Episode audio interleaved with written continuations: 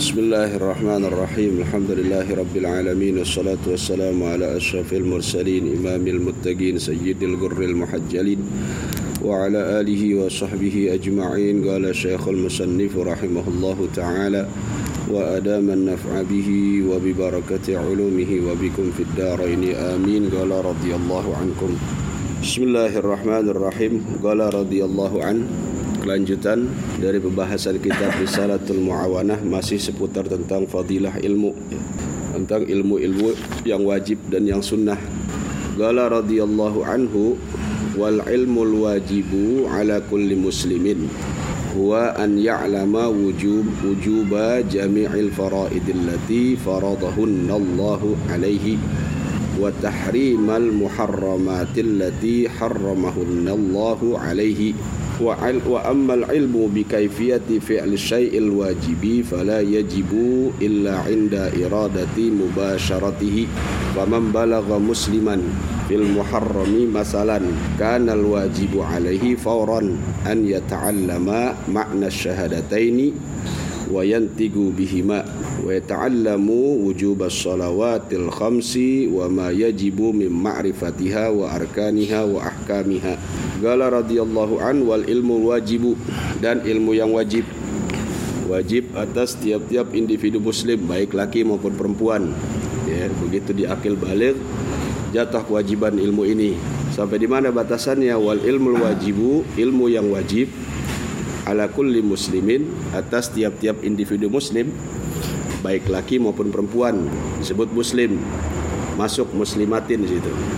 Ya. Muslim masuk muslimatin. Masuk perempuan. Babul iktifa. Di perempuan tidak disebut di situ tapi masuk dalam kategori laki-laki. Ya. jadi cukup disebut laki-laki perempuan masuk di situ. Ya babul iktifa. Ya. Bab yang menyatakan cukup cukup disebut laki perempuan masuk situ. Ya babu ghalabatir rijal ala nisa diunggulkan laki-laki atas perempuan. Apa yang wajib? An yata'allama an ya'lama. Ya bahwa seorang muslim laki-laki maupun perempuan wajib hukumnya mengetahui jami al faraidi seluruh hal-hal yang difardukan allati faradahullahu alaihi. Seluruh seluruh hal-hal yang diwajibkan oleh Allah wajib dia tahu ya. wajib dia tahu dasarnya ya. nanti pelaksanaannya sesuai dengan kemampuan gitu. Yang penting dia tahu. Kalau dia nggak tahu ya bapak kayak sholat apa itu? Sholat apa ya? Nah itu bukan muslim dia. Dia tak dia mau sholat apa enggak yang penting kita ditanyakan diutarakan kepada dirinya tentang masalah sholat dia tahu. Walaupun dia nggak tahu kaifiatnya tata caranya ya dia nggak tahu sujud nggak tahu ruku nggak tahu tumak nina tapi kalau dia segera oh sholat itu adalah ibadahnya umat muslim. Cukup udah. Ya cukup dia dikatakan beriman. Ya. jadi seluruh hal-hal yang difardukan yang diwajibkan sama Allah wajib dia tahu. Kemudian watah watahrima jami'al muharramatil lati harramahunna harramahunna Allahu alaihi. Dan wajib juga tahu dia tentang hal-hal yang diharamkan oleh Allah ya. Hal-hal Rian mabok haram nggak? Wah enggak itu mah. Berarti dia bukan muslim. Ya. Dia bukan muslim. Semua orang boleh boleh jadi orang Islam. Tapi nggak semua orang bisa jadi muslim. Karena muslim terikat dengan aturan. Kalau orang Islam nggak terikat dia. Boleh dia sholat boleh dia nyolong. Itu orang Islam. Tapi kalau orang muslim Nah itu dia hanya satu keterikatannya dengan Allah yaitu tanha anil fahsya wal munkar. Dia nggak perlu dia hal-hal yang berkait kepada makhluk. Ya. Nanti dalam dalam apa? Dalam kitab tasawuf ya Imam Ghazali itu disebutkan ciri-ciri Muslim dan ciri-ciri orang Islam. Ya, termasuk salah satunya ciri-ciri Muslim itu selalu peduli dengan kondisi umat Islam yang ada di hadapannya tuh. Itu Muslim. Kalau dia nggak peduli berarti dia hanya sekedar orang Islam. Nabinya dihina, dia biasa aja. Qurannya dilecehkan, biasa aja. Atau ada temennya yang susah, dia nggak bantu. Bahkan nggak merasa iba, nggak merasa empati, ya simpati. Nah itu dia bukan Muslim, sekedar orang Islam tuh. Karena pertanggungjawabannya berat. Kalau Muslim hisapnya lebih, lebih lama. Muslim hisapnya orang mukmin dengan orang beriman beda. Kalau mukmin udah melekat dengan kesatuan imannya, tapi kalau orang beriman belum tentu dia melekat. Dia imannya hanya pada Allah kalau mukmin.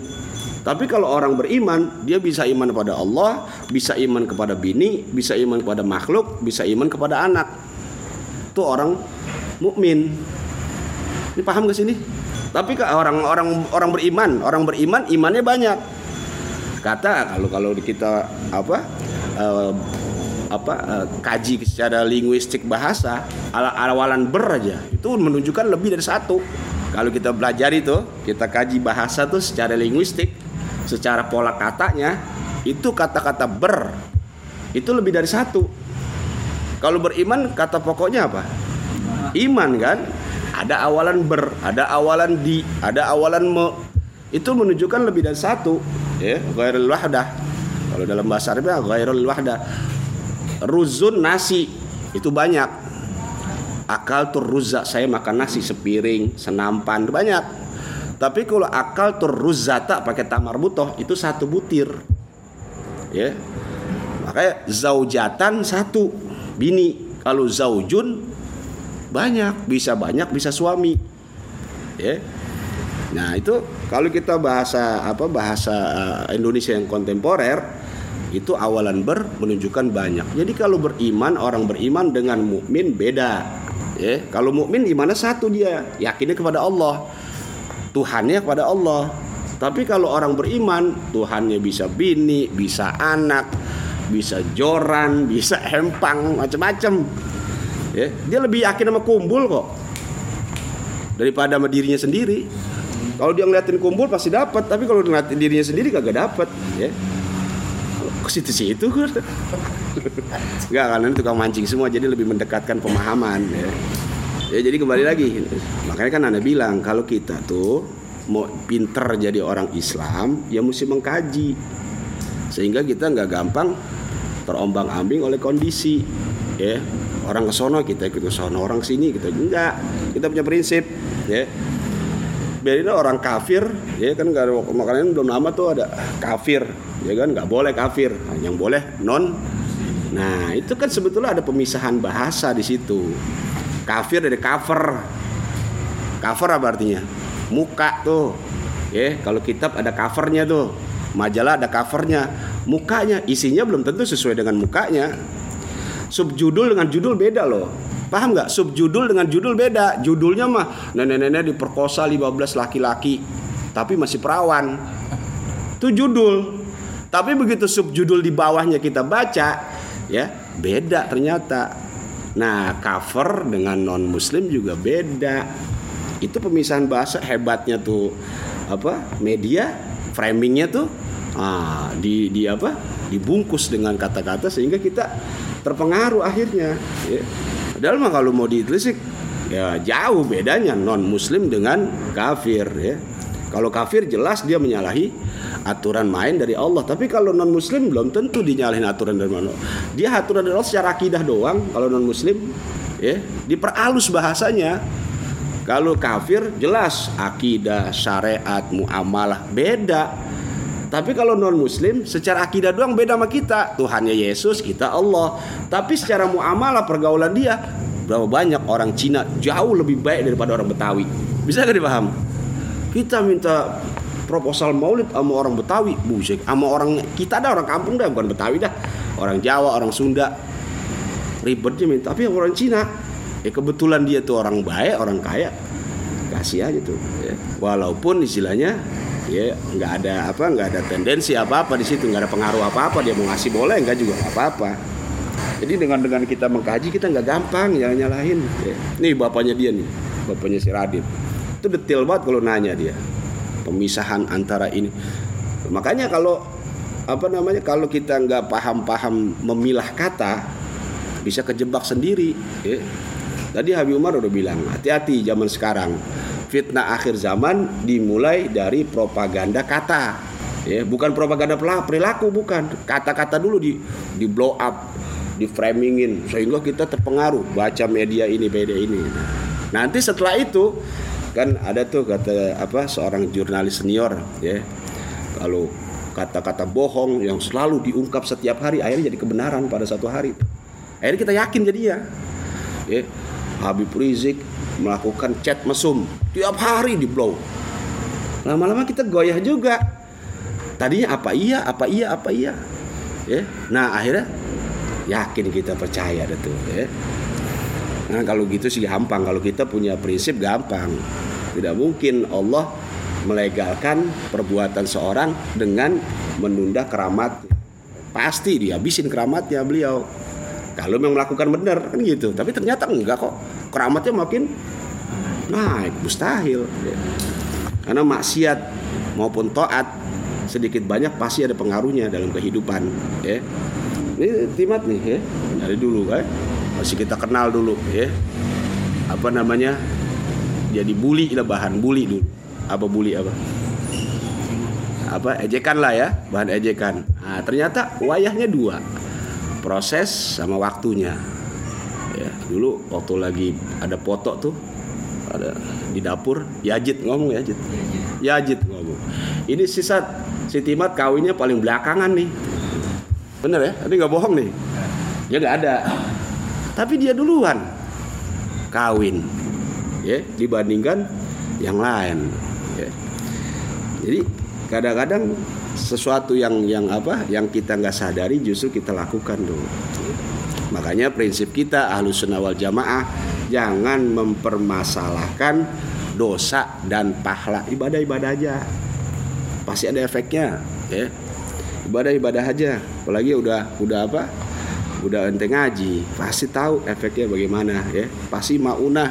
Makanya kalau kata Imam Syafi'i fahmul ilmi wilayatu sugra katanya memahami satu jenis ilmu satu bidang ilmu satu sub ilmu itu dapat kewalian kecil. Apa kewalian kecil? Kasih rotul maunah dapat banyaknya pertolongan Allah. Ada aja solusinya. Ada aja jalan keluarnya. Mana ente nggak sadarin? Karena ngelihatnya dari sudut pandang zohir. Dari sudut pandang batin. Mungkin kita nggak dapat rezeki. Bini kita dapat. Ya yang bujangan belum dapat tapi emak kita dapat.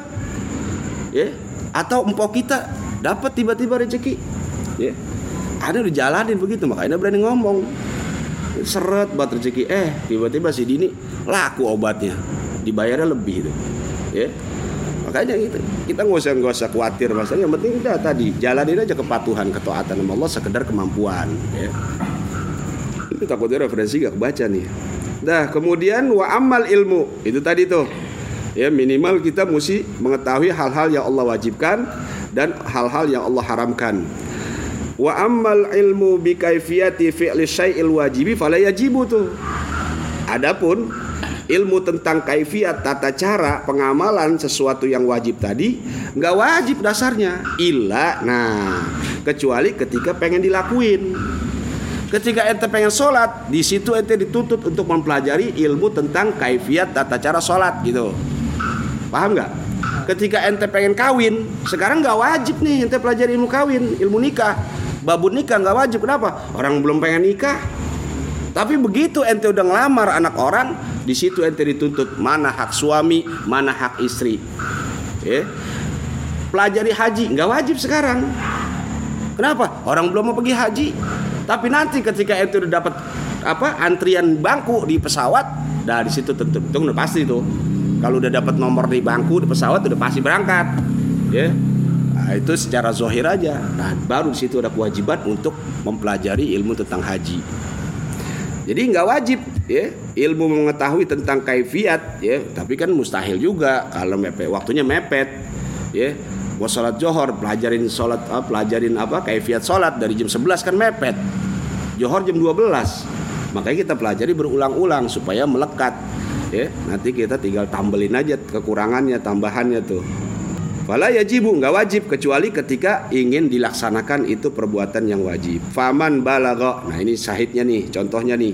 Faman balago barang siapa yang sudah mencapai akil balik, usia akil balik, musliman, ya, ay aslama dia masuk Islam pada saat itu usianya udah akil balik. Fil Muharram, ay syahril Muharram pada bulan Muharram masalah umpamanya kanal wajibu alaihi fauron. Saat itu wajib tuh dituntut secara apa? Fauron secara segera, sesegera mungkin. Apa yang wajib? An yata'allama makna syahadataini wa yantiqu bihima. Dia pelajari arti dua kalimat syahadat dan dia ucapkan dengan dua kalimat syahadat tadi itu. Ya. Jadi kewajibannya sudah akil balik. Makanya disuruh azam di situ azam azamnya itu tekad bulatnya itu azam sama niat beda. Kalau niat langsung dikerjakan kalau azam enggak ya. Kalau azam uh, identik dengan cita-cita ya dengan cita-cita. Tapi kalau naik niat itu langsung dilaksanakan. Usolli fardol maghribi langsung sholat itu niat. Tapi kalau azam nggak langsung kerjakan dia ya. Aneh belum sholat nih belum sholat isya misalnya ya. Ntar aneh mau sholat isya jam 3 ya, azam sini ya Allah aneh mau sholat isya jam 3 ntar itu namanya azam gak langsung dilakuin. Ntar jam 3 baru anak kerjain tuh sholat. Itu namanya azam ya. Tekad bulat tuh. Nah di situ dituntut ada dua azam. Ada azam wajib ada azam sunnah. Azam wajib dimulai ketika akil balik. Laki-laki usia 15 tahun atau dia semimpi basah atau keluar air mani dengan sendirinya atau perempuan sudah menstruasi atau umurnya 15 tahun. Begitu dia mimpi basah, laki-laki wajib diazam. Azamnya apa?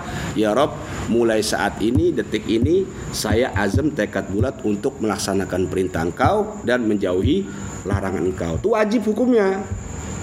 Karena dia bakal jadi apa namanya pondasi dasar utama. Kalau kita nggak azam dosa.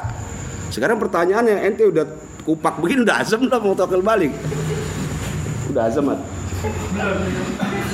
kalau belum azam sekarang masih dibolehkan karena nggak tahu hukumnya kan nggak tahu nggak nggak masuk apa taklif beban hukum kan?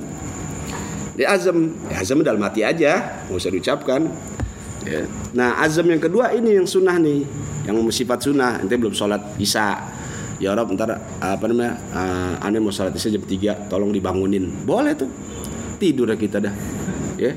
Tiba-tiba ntar ada aja jam nah kita bantu misalnya dengan waker jam beker tuh atau dengan apa HP apa alarm atau dengan kita minta sama teman kita bangunin jam 3 ya gitu atau bini kita atau sama anak kita ya kita bangunin itu sunnah ya kerjakan sekali-sekali tuh ugurin ilmu ya Ya, di empang ntar aja gua. Kalau gua dapat atu baru gua semain johor, cek deh.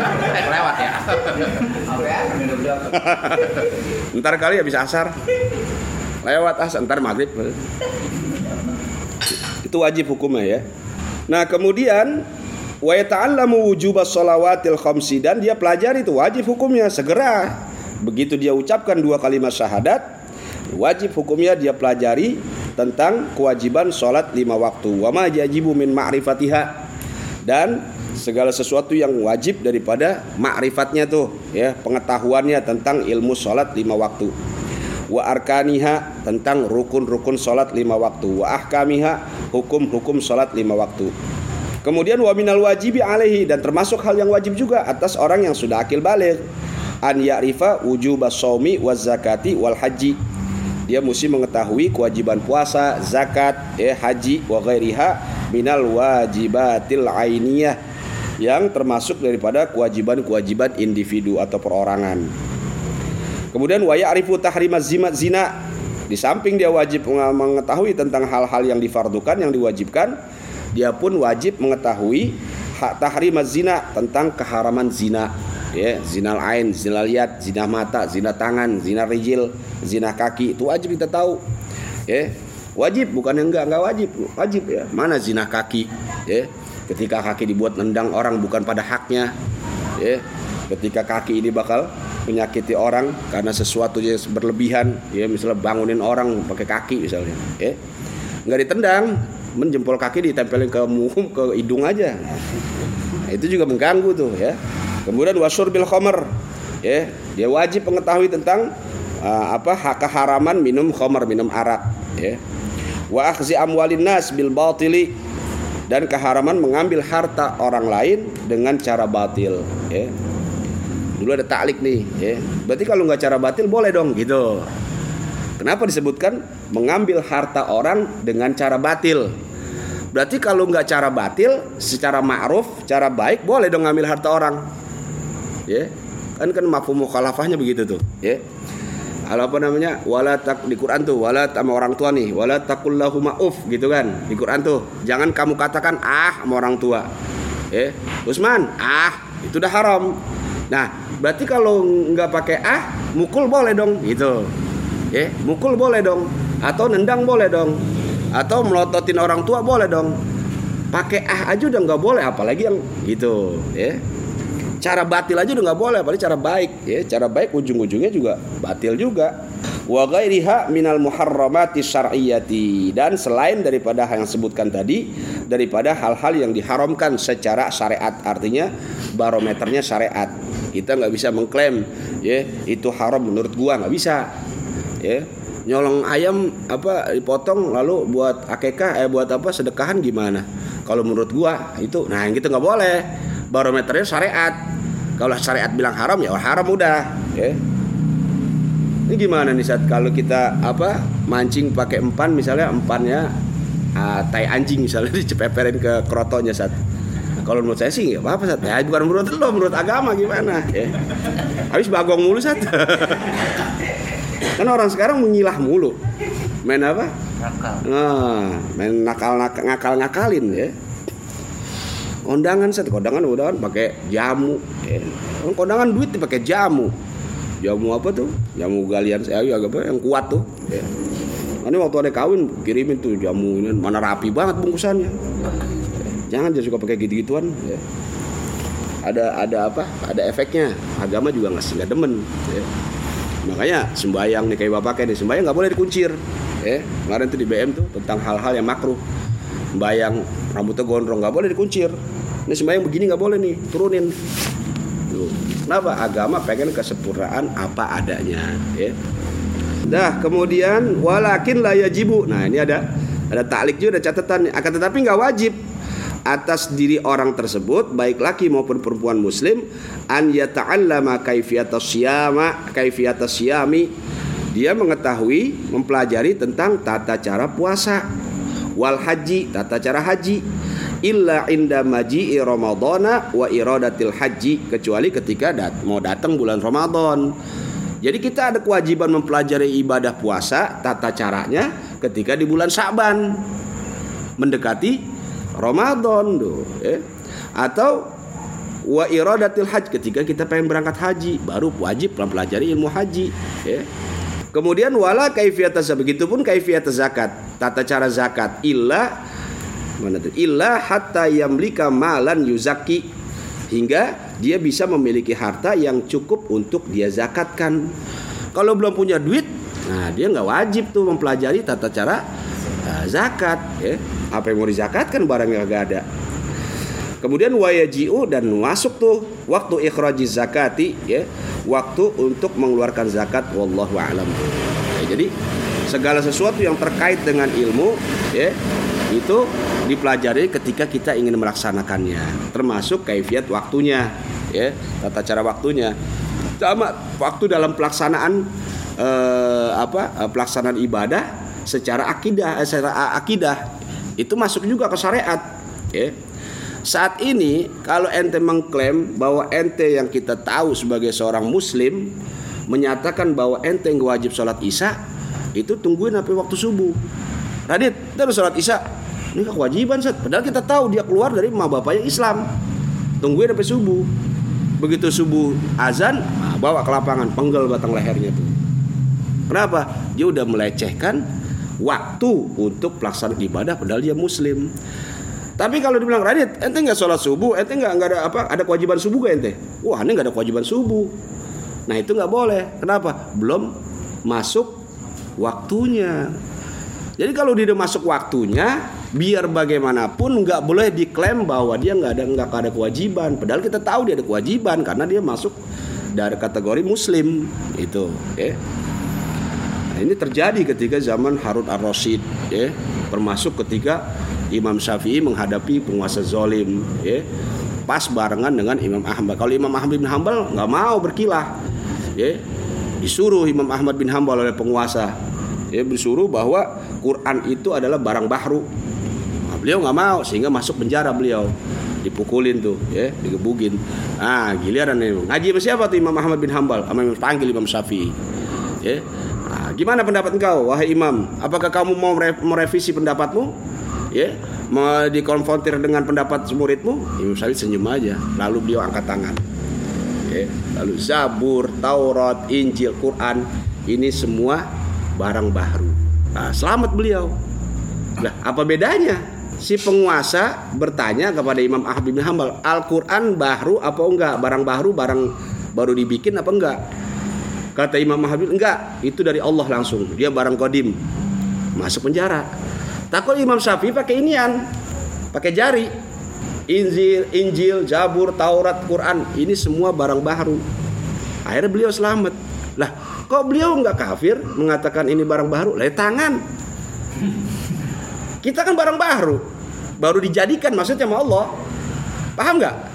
Kalau Quran kalamullah emang kalamun kodim.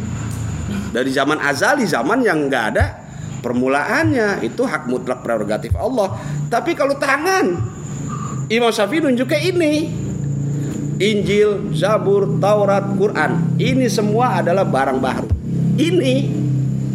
Tuh, ya. Yeah cerdas Imam Syafi'i itu. Tapi Imam Ahmad bin Hambal bukan nggak cerdas, beliau teguh prinsip dalam memegang prinsip keagamaan beliau nggak mau. Ada kon apa?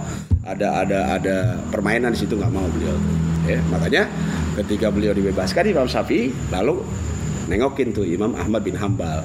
Ya, berdarah-darah, bomisnya pada robek, diambil sama Imam Syafi'i. Lalu masukin ke air, diperas, diminum Imam Syafi'i ya. Lalu beliau bilang wahibbus salihina walastu minhum. Aku cinta orang-orang soleh sekalipun aku bukan termasuk orang soleh saking tawadunya beliau. Ya. Kadang-kadang kita belagu ya. antum rejal wadah nur rejal. Ente laki gue juga laki-laki. Ya ente bisa bikin fatwa gue juga bisa bikin fatwa.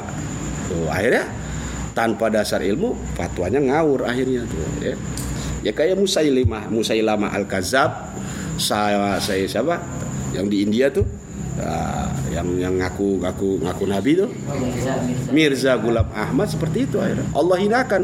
Dia yang bikin perjanjian dengan Syekh Ali seorang apa mujadid tuh ya, dari dari dari Najat perbatasan India dengan Pakistan. Minta izin tuh. Masih muda umur 21 tahun tuh Syekh Ali. Ya Al Hasani dia Habib. Tapi di sana terkenal Syekh minta izin sama ulama-ulama biar saya ngadepin. Orang begini nggak bisa dijemin jiwa muda umur 20 tahun tapi ilmunya banyak. Nah, akhirnya debat-debat kalah tuh Mirza Ghulam Ahmad. Sampai dia bilang kalau memang aku kalah di terakhir kalinya berdebat dengan kamu aku siap diazab oleh Allah. Dengan azab yang seperti bedinya bukan di akhirat tapi di dunia. Dari mulai bawah ke telapak kaki sampai kepala. Terserah ente mau, mau, mau mulai dari mana. Ya minta sama Allah dari kepala dulu boleh minta sama Allah dari kaki dulu boleh tapi karena dia memang gak ada dasar, akhirnya begitu kalah debat, mulai itu dari dari atas dihantam vertigo, hipertensi segala macam sampai ke telapak kakinya tuh. Akhirnya dia diungsikan oleh pengikutnya tuh, dikucilkan di sebuah ruangan yang setiap hari mesti disemprot dengan pewangi-wangian tuh. Karena dia makan kencing berak dari situ tuh, ya. Sampai meninggalnya pun nggak diumumkan secara luas saat itu, ya.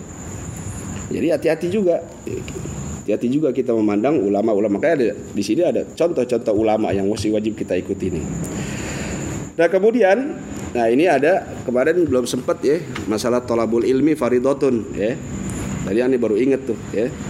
Nah di sini ada referensinya apa keuntungan bagi kita yang menuntut ilmu agama ya.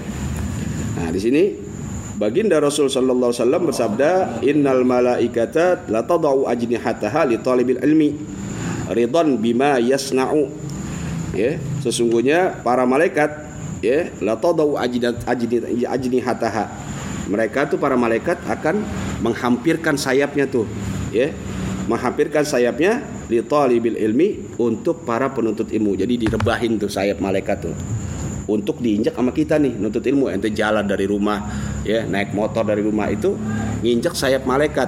Nah ini ya dikomentari oleh Syekh Ali Al Bujairimi bilang bahwa itu maksudnya ridon bima yasnau malaikat ridho kalau malaikat ridho otomatis mintakan ampun pada Allah buat kita tuh yang nginjek kalau malaikat aja kan sakit kalau sayap diinjak tapi malaikat seneng ya diinjak sama kita sehingga gantinya malaikat minta keriduan Allah buat kita tuh. Setimpal jadinya. Ya. Setimpal jadinya. Ya Rob, diinjak sakit nih sayap. Sebagai gantinya, engkau ampuni orang yang menginjak sayap aku supaya aku nggak terlalu sakit gitu ya. Kemudian wa innal alima uh, wa innal wa innal alima dan sesungguhnya orang alim. Orang alim bukan orang yang tahu ilmu ya, bukannya orang yang apa? alim-alim alamah gitu. Ini kayak kita nih, orang yang sedang muta'alim. Al-alim di sini ayat muta'alim, orang yang sedang menuntut ilmu agama. Yastaghfiru lahu kullu man fis samawati wa man fil ardi wal hitanu fi jawfil ma'i itu. Sesungguhnya orang yang menuntut ilmu agama dimintakan ampun oleh kullu man fis sama. Semua makhluk yang ada di, di langit. Tujuh lapis langit, makhluk di atas tuh, malaikat semua. Waman fil ardi dan semua makhluk yang ada di bumi sampai-sampai wal hitanu fi jawfil ma. Sampai-sampai ikan-ikan yang tidak terdaftar oleh manusia. Manusia belum pernah nemuin ikan.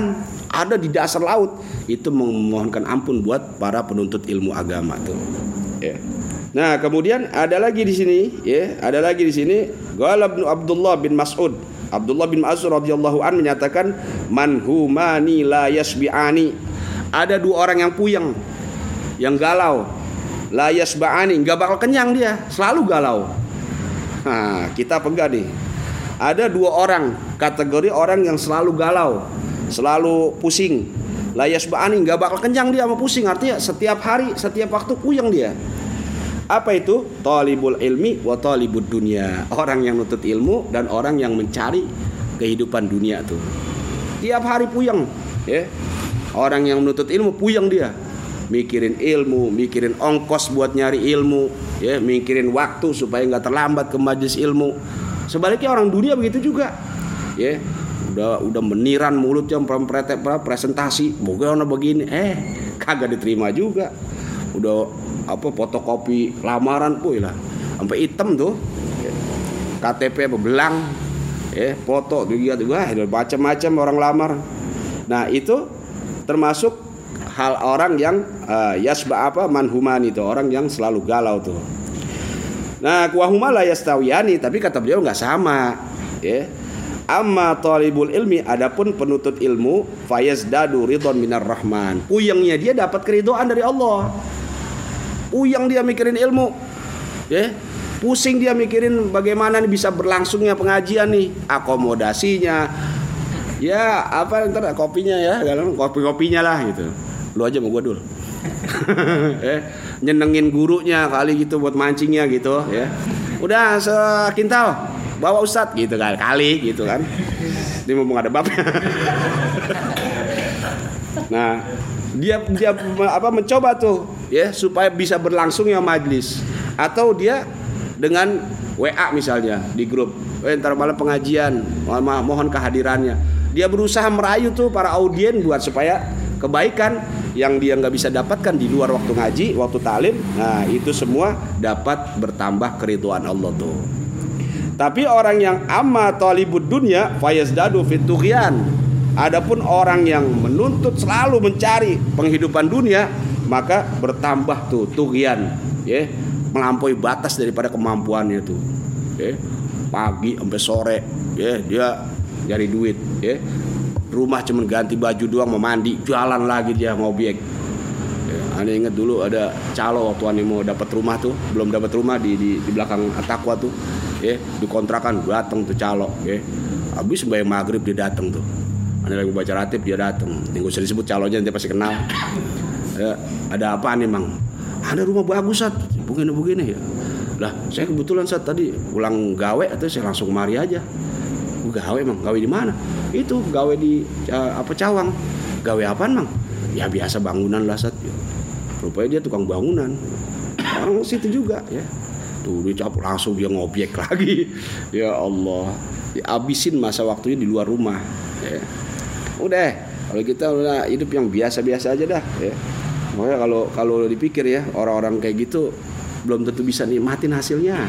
Capek doang ya capek apa yang ente pikir yang tinggal di Kemang Pratama itu bisa tuh Parto tuh Parto tetangganya waktu dia meninggal emaknya 40 hari kan aneh mau walid di situ tuh ya pulang sampai malam tuh bocor udah pada pulang aneh baru masih ngobrol Parto sama bini barunya tuh yang bisa nembak atas Ingat gak?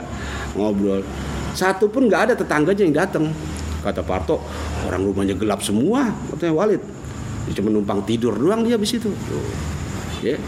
Jadi dia datang aneh. Itu yang Walid cerita sampai jadi bahan-bahan lelucon. Ya. Anak dia berangkat kerja, anaknya belum bangun. Ya kan?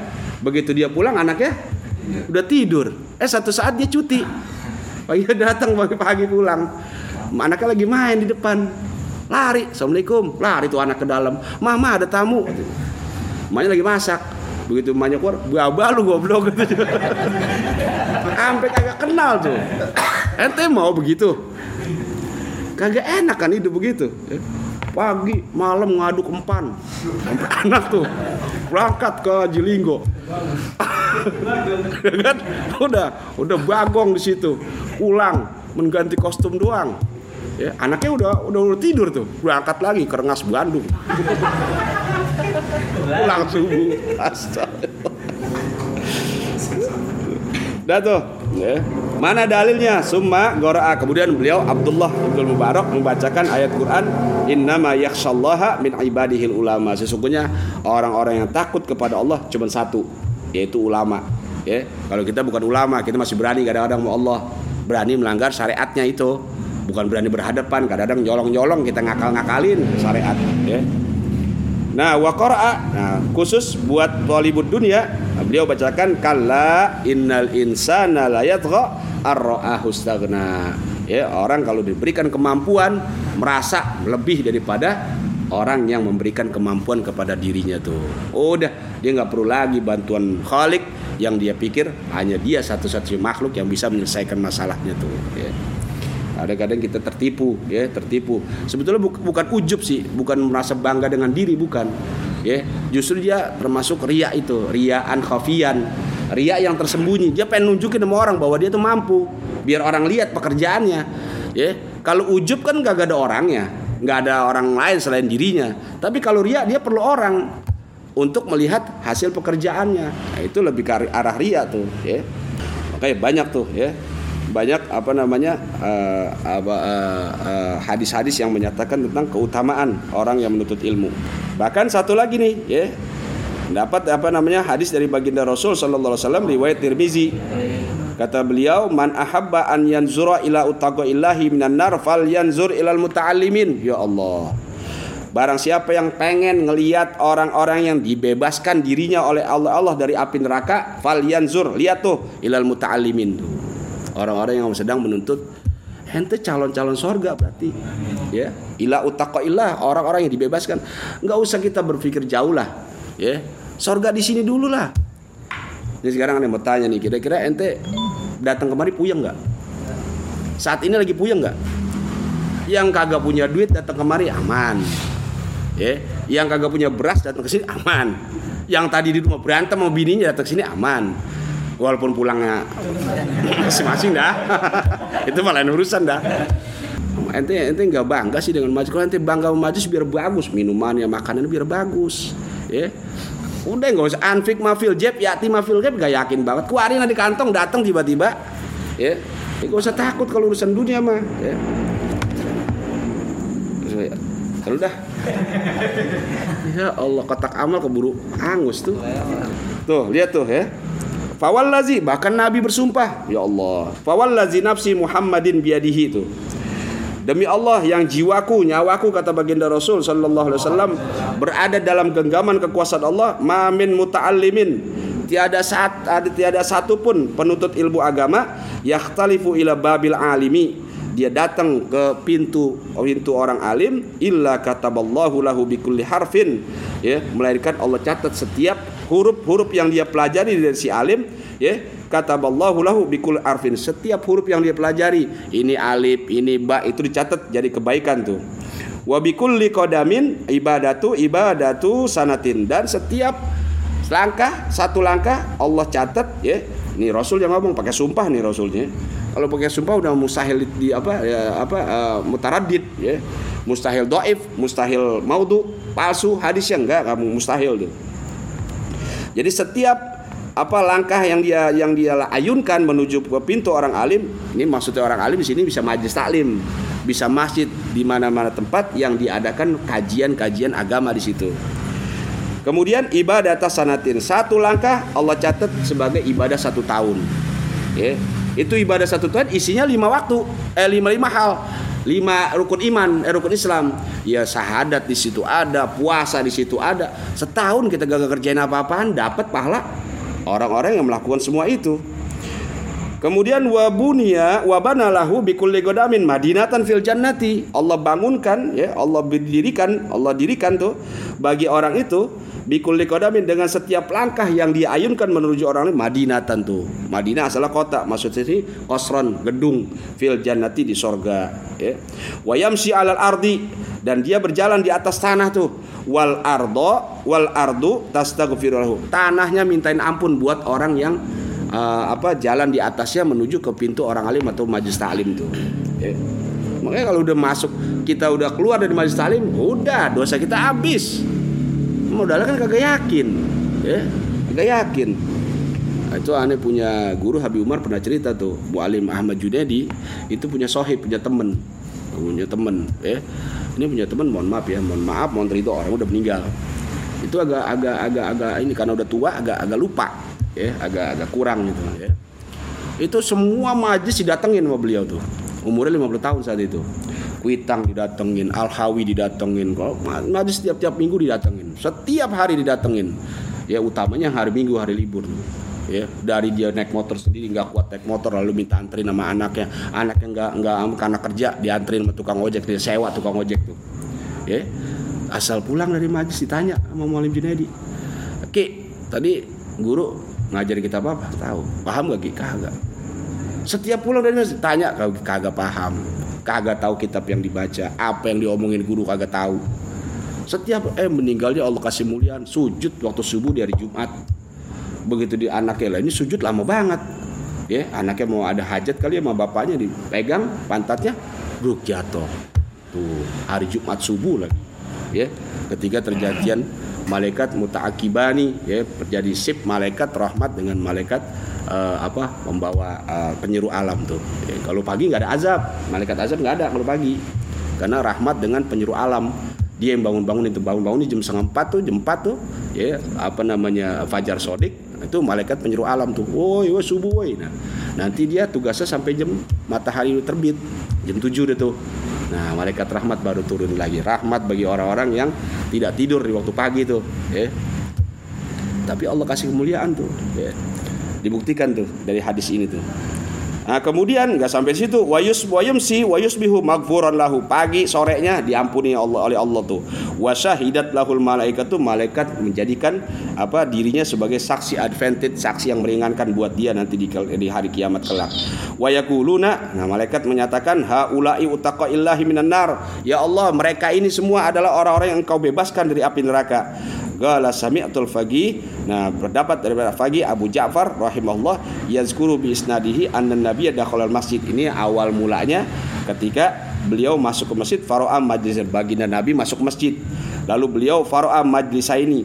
Beliau melihat dua majlis nih Dua halakoh Dua kumpulan orang yang sedang apa membuat lingkaran tuh ya ahaduhuma yazkurunallah. Salah satu dari dua lingkaran tadi sedang zikir sama Allah. La ilaha illallah lah biasa itu. Wal akharu yata'allamun al fikha nah lingkaran kedua lagi pelajar ilmu fikih ya. Wa yad'una Allah wa yarghabuna ilaihi. Lalu mereka pun ya yang yang yang berzikir sama Allah berdoa tuh kepada Allah wa yarghabuna ilaihi ya. Dan pengen nabi hadir di tengah-tengah mereka tuh ya. Kemudian Mana lagi? Faqala Nabi sallallahu alaihi wasallam Nabi bilang kullal majlisaini ala khairin. Ini dua majlis baik nih kedua-duanya. Yang satu majlis zikir, yang satu majlis ilmu. Ya, wa ahaduma afdalu minal tapi salah satu di antara keduanya itu lebih afdol. Ya. Apa itu? Amma haula'i fayad'unallaha fa insya atahum wa insya mana'ahum. Ya. Kata Nabi tentang majlis zikir, mereka yang sedang berzikir mereka berdoa kepada Allah. Jika Allah mau a'tahum. Allah berikan tuh apa yang mereka doakan tuh apa yang mereka minta melalui doa mereka tuh. Wa insya manahum tapi kalau Allah nggak mau Allah nggak kasih tuh ya. Dengan Allah kabulkan permintaan mereka tuh. Amma haula'i adapun orang yang majlis zikir nih, eh majlis ta'lim nih. Fa mereka belajar. Wa yu'allimunal jahila mereka mengajarkan orang-orang bodoh daripada syariat ilmu agama wa innama bu'istu mualliman fahaulai afdalu summa jalasa ma'ahum kata Nabi aku diutus sebagai muallim sebagai pengajar maka mereka jauh lebih afdol lebih utama. Kemudian Nabi duduk di situ tuh. Dengerin orang-orang yang sedang mempelajari ilmu fikih itu. Ya. Jadi biar bagaimana majlis ta'lim lebih utama daripada majlis zikir.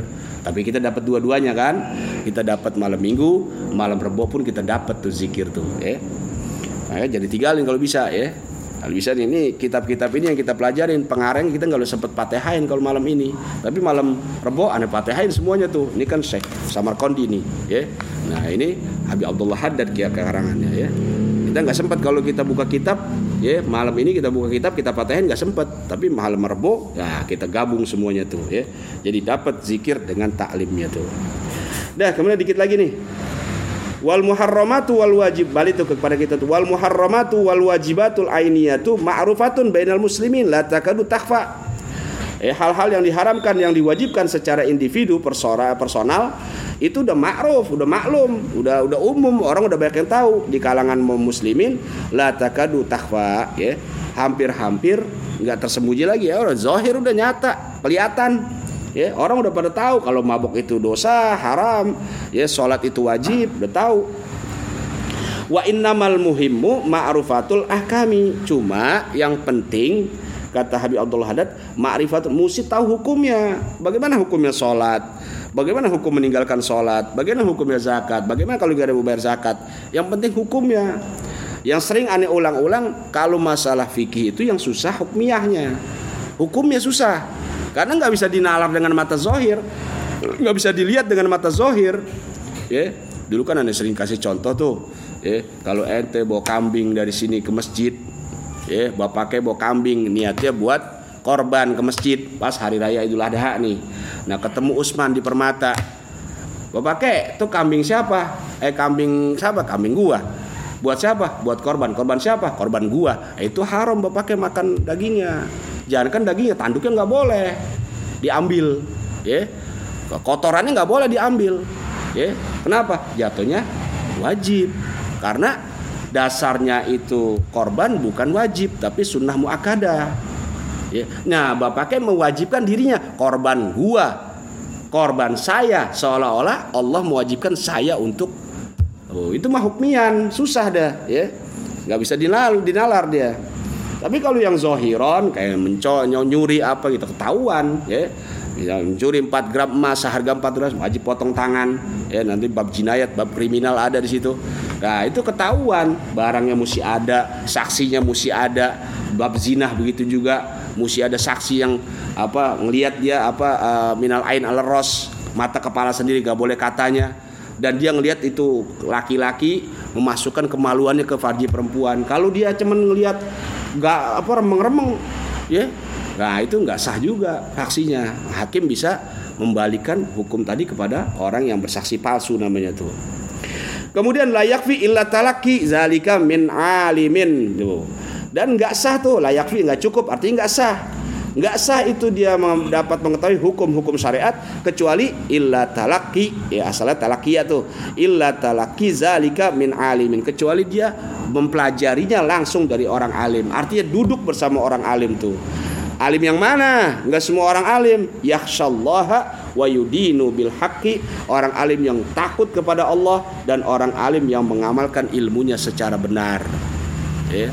Ada orang alim yang ngamalin ilmunya nggak benar ya dia ngasih fatwa ya kalau apa di bawah meja nah dikata haram dikit. Ya ada tuh. Dulu pernah aneh dengar tuh gimana hukumnya apa anggur kalau buat jamu? Oh itu lidawa boleh. Itu kalau buat pengobatan boleh. Gimana ular hukumnya buat tuna boleh kalau ular mah. Ya padahal ada empat syarat di situ dia ngejelasin tuh. Ya Dah, kemudian wal amatu tukti wa tusibu tuh. Orang awam kayak ente, orang awam pada umumnya bisa salah, bisa benar. Ya, orang awam kalau orang alim nggak mungkin salah kalau dia syaratnya tadi yakhsallah dia takut sama Allah kemudian yudinu bil hak dijalankan diamalkan ilmunya dengan hak dengan benar sesuai dengan proporsinya ya dia nggak tunda-tunda tuh pengamalan ilmunya fa iyyaka nah baru buat kita nih kata Habib Abdullah Haddad fa iyyaka ai ihzar. Hati-hati antaf ala ma yaf'alun. Ente ikutin pekerjaan yang orang awam lakukan. Wa tatruku ma yatrukuna iktidaan bihim. Dan kamu dan kamu tinggalkan apa yang mereka tinggalkan iktidaan bihim. Sebagai ikutan kepada mereka. Jangan ngikutin orang awam. Ya. Jadi ikutin orang kadang-kadang orang awam sendiri ya orang awam sendiri melebihi orang alim. Dalam pengakuan sekarang kan ya benar sih kata almarhum Kiai MZ ya. Sekarang apa namanya pakaiannya saru sekarang. Dulu kan ada tuh yang masukin ke botol apa tuh di TV One eh, bukan TV One dulu. Pemburu hantu. Pakai sorban. Ulama pakai sorban. Jadi saru udah ya. Dari pakaiannya udah kacau. Nah jangan kamu ikuti. Mereka orang orang awam tuh ya. Makanya kita mau tahu orang alim yang ngaji duduk di majlis orang alim Fa innahu la yasihul iktida'a karena enggak sah tuh. Iktida'u enggak sah ikutan mereka terhadap orang awam illa bil ulama il amilina kecuali ke, mengikutan mereka kepada ulama il amilin ulama-ulama yang mengamalkan ilmunya tuh. Diakui oleh Abdullah Haddad wagot azal yauma alimun ya'malu bi ilmihi. Jarang sekali. Saat itu zaman beliau bukan zaman sekarang. Zaman beliau Habib Abdullah Haddad ya itu orang alim yang mengamalkan ilmunya udah jarang apalagi zaman sekarang gitu maksudnya. Ya karena kita saru kadang-kadang lihat Bang Mawi pakai eagle wow, masuk ke bakiat solihat jubahnya yang share kayak Batman kita merebutan cium tangan.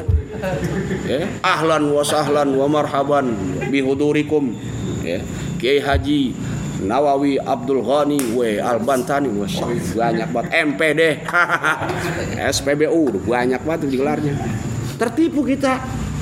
LC nggak semua jadi ya. Dulu ada. Ini di Habib Umar sendiri ini masih kursus dulu eh masih mukim kursus. Ada orang dari Mesir ya Mesir 4 tahun di Mesir dia. Lalu pengen kursus bahasa Arab sama Habib Umar. Dites. Kalau Habib Umar tuh anak baru selalu dites.